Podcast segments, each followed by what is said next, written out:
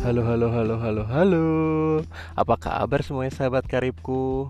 Gak kerasa kita udah masuk bulan Ramadan lagi nih. Udah masuk bulan puasa. Selamat menunaikan ibadah puasa bagi teman-teman semua sahabat karibku yang menjalankannya. Balik lagi sama gue Dindin di sini. Sesuai dengan janji gue sebelumnya, di sini kita sekarang bakal ngomongin soal feedback, di mana setiap aktivitas atau kegiatan yang lo lakuin pasti aja lo bakal dapat feedback dari orang-orang di sekitar lo yang merhatiin lo. Oleh karena itu, penting banget buat lo tahu gimana sih caranya nanggepin sebuah feedback itu. Karena tidak semua feedback itu bisa membangun diri lo menjadi diri yang lebih baik. Lo harus bisa mencari mana feedback-feedback yang memang itu bisa membangun lo ke arah yang lebih baik lagi. Oleh karena itu, sesuai dengan janji gue sebelumnya, kita bakal ngebahas feedback kali ini. Pagi-pagi yang seger gini, enaknya ngapain ya? Sarapan dong tentunya. Eits, lupa kan lagi puasa. Jangan lupa pada sahur ya, supaya aktivitasnya gak pada cepet capek dan tetap kuat sampai nanti buka puasanya. Kita masuk ke segmen utamanya. Let's go!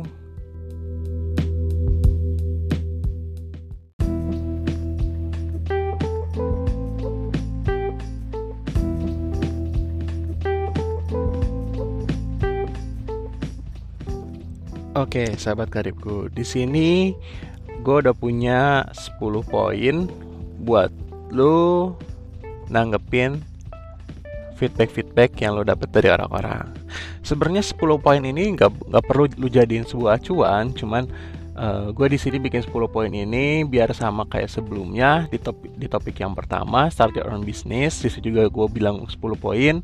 Di sini gue bakal bilang 10 poin juga tips lebih tepatnya, bukan sebagai panduan lu supaya lu bisa benar-benar ngedapetin inti dari feedback yang teman-teman atau keluarga lu kasih sebelumnya. Oke? Jadi karena itu kita langsung masuk ke nomor yang pertama yaitu atur tanggapan atau respon yang bakal lo kasih ketika nerima feedback. Karena respon awal lu itu bakal menentukan ke depannya. Maksudnya ketika orang ngasih feedback terus lu apa namanya?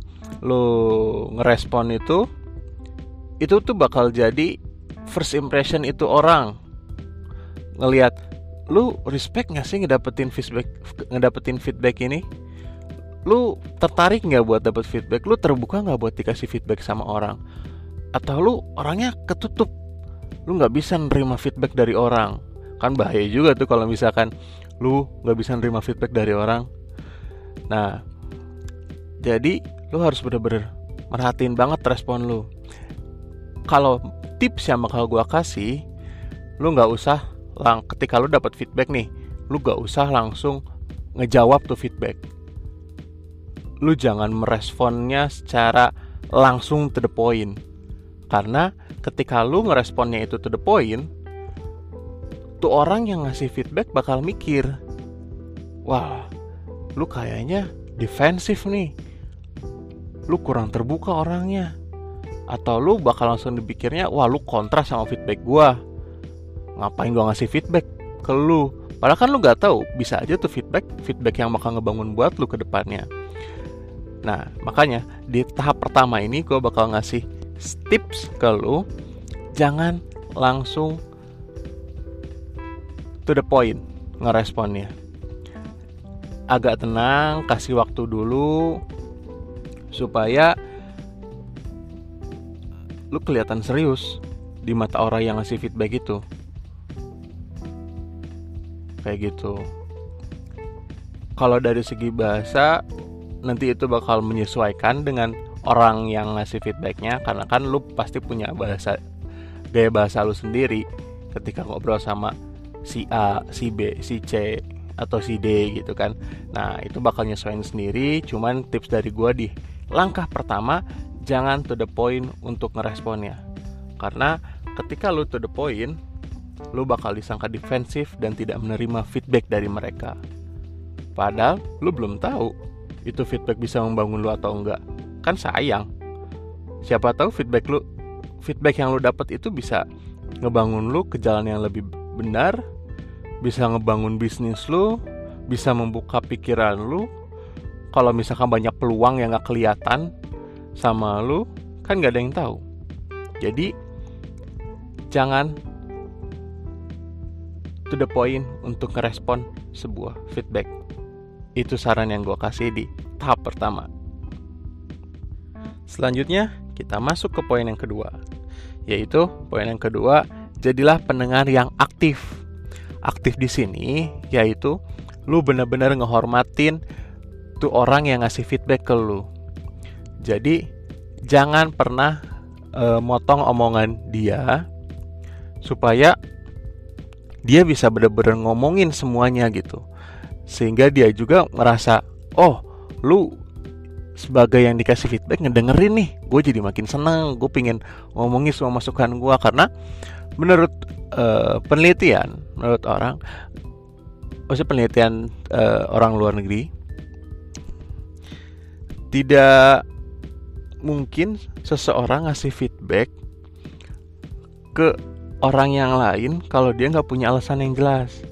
Nah, lu harus benar-benar ngedengarkan dengan baik supaya lu bisa tahu alasannya dia ngasih feedback ke lu tuh apa sih gitu.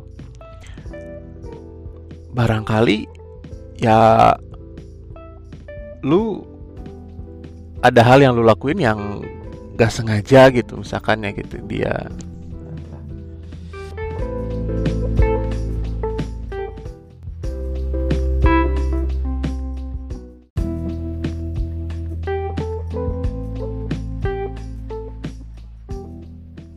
Sekarang kita masuk ke poin nomor 2 Yaitu lu harus jadi pendengar yang aktif. Di mana pendengar yang aktif bukan berarti harus selalu motong omongan dari si orang yang ngasih feedback. Karena kalau lu selalu motong omongan yang ngasih feedback Lu bakal defensif dikiranya gitu kan. Dan lu gak terima dengan apa yang dia omongin Nah pendengar pendengar yang aktif ini yaitu lu ngasih respon atau membuat sebuah konklusi atau kesimpulan pada timing yang tepat. Yaitu di saat ada jeda dan uh, dia udah uh, selesai ngasih feedback secara keseluruhan dengan kayak gitu dia bakal ngasih terus masukan-masukan yang sebelumnya dia nggak kepikiran sebenarnya tapi dengan lu buat uh, menonjolkan keaktifan lu dengan kayak gitu, ketertarikan mendengarkan feedback lu, dia pasti bakal makin banyak lagi yang pingin dia omongin. Itu bagus. Jadi uh, komunikasi yang lu bangun sama dia bakal dari dua arah. Karena kalau misalkan feedback uh, yang defensif, maksudnya orang yang dengerin feedback secara defensif, itu akan sifatnya nanti komunikasi satu arah karena orang yang defensif ini nggak ngedengerin itu orang yang ngasih feedback dia ngerasa ah diri gue udah bener kok ngapain dengerin feedback dari dia nah jangan sampai kayak gitu. Harus muncul komunikasi dua arah yang baik. Jadi nantinya dia bakal uh, lebih banyak masukan lagi buat lo. Dan siapa tahu kan itu feedback yang benar-benar ngebangun diri lo. Contohnya kayak misalkan uh, misalkan lu dapet apa namanya feedback soal produk uh, kemasan dari produk lu nah abis tuh orang beres ngasih feedback lu nanggepin uh, jadi uh, kesimpulan yang gue ambil dari feedback lu nih kemasan gue kurangnya di bagian ini ini ini sama ini ya bro ya nah lu omongin kayak gitu bikin kesimpulan tapi tanya balik ke orangnya. Jadi biar dia juga ngejawab mungkin ada yang keliru, kalau ada yang keliru dia bakal bilang, "Oh, iya bro, cuman di bagian yang ini maksudnya kayak gini loh bro." Nah, dia bakal ngejelasin secara lebih detailnya. Jadi lu juga bakal lebih paham nanti ke depannya kayak gimana. Feedback itu kan untuk membangun loh. Kalau lu nggak tahu secara detail, ya sama aja bohong dong. Ya nggak sih bro? Jadi ketika mendapatkan feedback, lu harus jadi pendengar yang aktif sekaligus pendengar yang baik juga. Pendengar yang baik memperlihatkan ekspresi lo, antusiasme lo ketika ngedengerin dia ngomong. Menjadi pendengar yang aktif ketika lo membuat kesimpulan setelah dia selesai ngasih feedback supaya lebih detail lagi feedback yang dia kasih ke lo. Jadi lu paham bener-bener feedback yang dia kasih. Kayak gitu.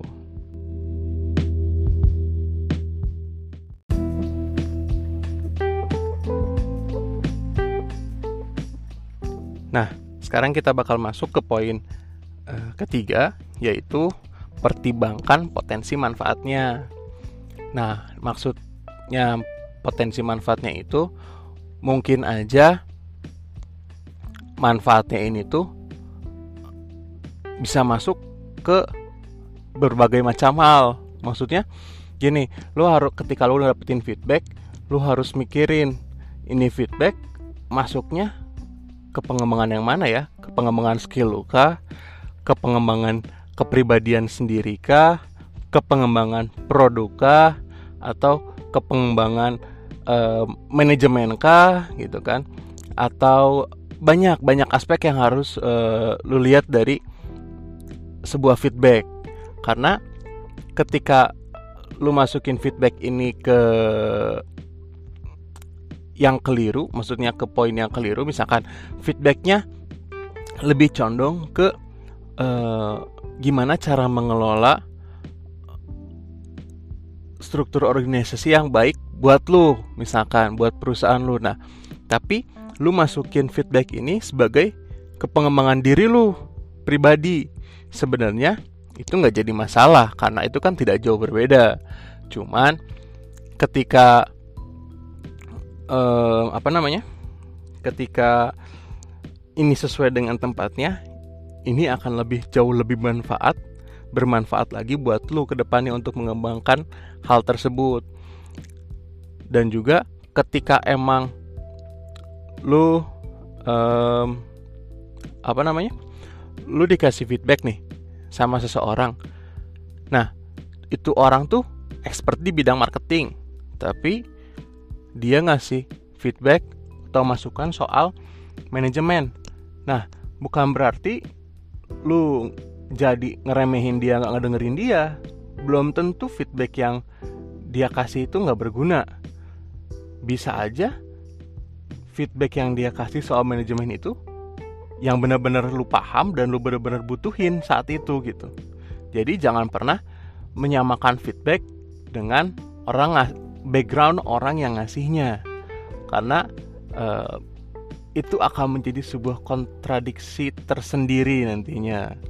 Karena kan nggak semua orang uh, ngomongin sesuatu hal yang expert di bidangnya gitu. Kadang kan ada orang yang dia pengen ngasih masukan tapi kalau ngomongin sesuatu hal yang dia juga bergerak di bidang itu kadang kan dia agak canggung atau harus lu tanya dulu baru dia ngasih feedback, ngasih masukan.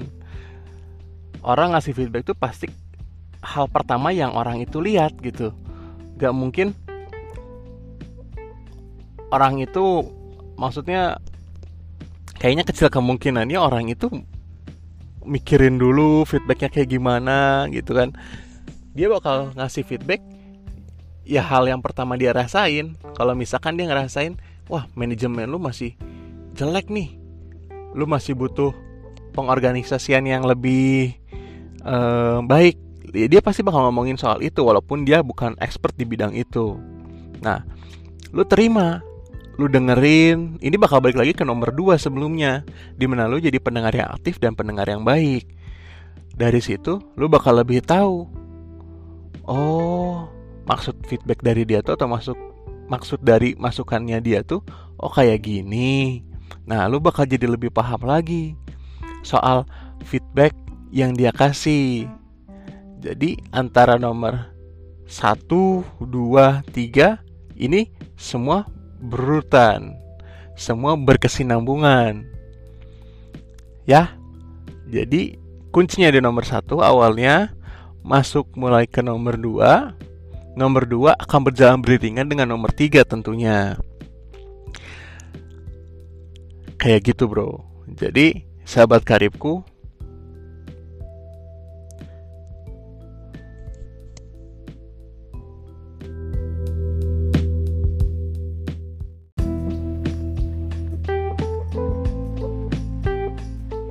Nah, untuk poin yang selanjutnya yaitu poin keempat, kalau bahasa Inggrisnya sih sebenarnya keren. Yang gue dapet tuh put yourself in their shoes. Cuman kalau misalkan secara um, artinya atau bahasa yang kita pahaminya yaitu tempatkan diri lu di posisi dia. Orang ngasih feedback pasti sesuatu hal yang penting yang dia rasakan dia nggak mungkin capek-capek ngomongin apa yang dia rasain ke lu kalau misalkan menurut dia itu nggak penting. Jadi lu kalau bisa dengerin apa yang dia omongin. Soalnya gini sahabat karibku, orang macem-macem sifatnya. Dia pasti ngasih feedback bakal ngejaga perasaan lo. Tapi ada juga orang yang ngasih feedback langsung to the point. Di mana orang-orang yang kayak gitu ya orang-orang yang memang udah ngerasa deket sama lu. Jadi dia ngasih feedback sama lu ya santai aja gitu kan. Sesuai dengan um, biasa lu komunikasi sama dia gitu. Tapi ada juga orang-orang atau misalkan orang yang belum terlalu dekat sama lu tapi ngerasa ini poin penting ini harus diomongin ke lu gitu kalau ini nggak diperbaikin ini nggak akan eh, nggak uh, akan beres. Ini harus beres. Ini hal penting. Nah oleh karena itu dengarkan dia baik-baik supaya dia bisa ngungkapin apa yang benar-benar dia rasain. Jadi feedbacknya pun bakal lu terima secara utuh dan nggak ada yang ditutupin sama dia. Jadi ketika ada orang yang baru, maksudnya yang gak terlalu deket sama lu ngasih feedback kayak lu, ya posisikan lu jadi diri dia. Mungkin kata-kata yang dia pergunakan bakal ngebuat lu bingung karena dia nggak pingin nyakitin perasaan lo. Pertama itu kan. Yang kedua dia juga bakal mikir gue ngasih feedback tapi kayaknya jangan terlalu keras deh soalnya gue gak terlalu tahu dia juga secara dalam takutnya gak enak juga. Ada nanti pikiran kayak gitu pasti dari orang yang ngasih feedback. Sebenarnya niat baik itu lu harus tanggepin dengan niat baik juga. Dengan aktif dan juga um, baik gitu. Jadi ketika orang ngasih feedback lu benar-benar memposisikan diri sebagai mereka kalau orang yang nggak to the point ya lebih tepatnya. Karena kalau misalkan orang yang to the point kayaknya itu udah pasti udah jelas banget ngasih feedback ke lu gitu. Ya gimana nggak to the point? Misalkan nih temen lu temen lo yang selalu makan tahu jatuh bangunnya lu bangun bisnis tiba-tiba ngasih feedback ah manajemen lu jelek bro. Kayaknya ini mah benar-benar harus dirombak harus diganti secara keseluruhannya. Soalnya kalau nggak dirombak manajemen lu bakal ngancurin perusahaan lu uh, dari dalam. Uh, ada orang yang to the point kayak gitu. Ya karena memang tuh orang udah deket sama lu. Tapi kan ada juga orang yang uh, gimana ya uh, jadi gini maksudnya tuh uh, uh, uh, um, uh, bukannya mau bilang ini jelek atau gimana ya cuman um, alangkah uh, maksudnya uh, lebih baik kalau ini di uh, diperhalus. Soalnya menurut yang gua baca sih manajemen ini nah kalau misalkan lu nemuin orang kayak gitu berarti lu bener-bener harus menempatkan di posisinya dia. Karena supaya lu ngerti dan komunikasi dua arah pun bisa kebangun antar lu sama dia. Jadi lu tahu detailnya feedback yang dia pingin kasih dan dia juga benar-benar ngungkapin secara detail feedback yang pingin dia kasih. Gitu bro. Paham sahabat kadipku semuanya? Paham dong. Kita lanjut ke nomor selanjutnya.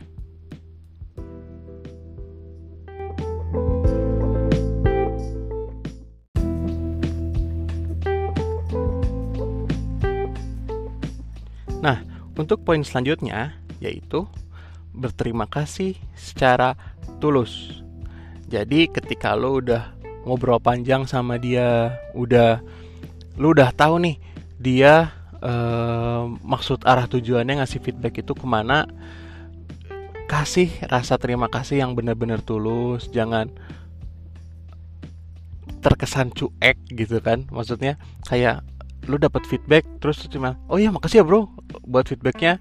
Tapi benar-benar oh iya bro uh, makasih banget lo buat feedback yang lo kasih uh, nanti gue coba pikir-pikir ya uh, pasti ini uh, bakal berguna banget sih buat gue ngebangun manajemen gue atau buat gue nge-repackage dari produk gue makasih banget lo bro lo udah keingetan buat ngasih feedback ke gue padahal kan lo baru kenal sama gue gitu kan uh, kayak gitu gitu. Kasih rasa terima kasih yang uh, ada alasannya gitu. Kenapa lu berterima kasih seperti itu? Kayak gitu.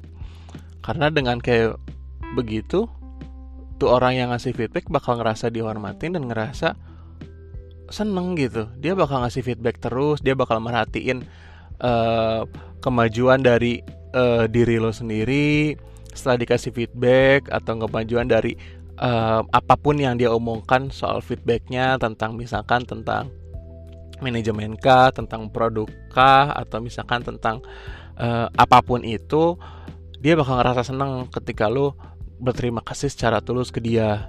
Karena dengan kayak gitu, lo ngeliatin benar-benar uh, tertarik dengan feedback yang diomongin dan orang itu pun bakal jauh lebih dekat sama lo. Dan jadinya semakin banyak orang yang ngasih feedback ke lu kan semakin baik. Jadi lu tahu gitu lu salah di mana lu harus bikin keputusan kayak gimana.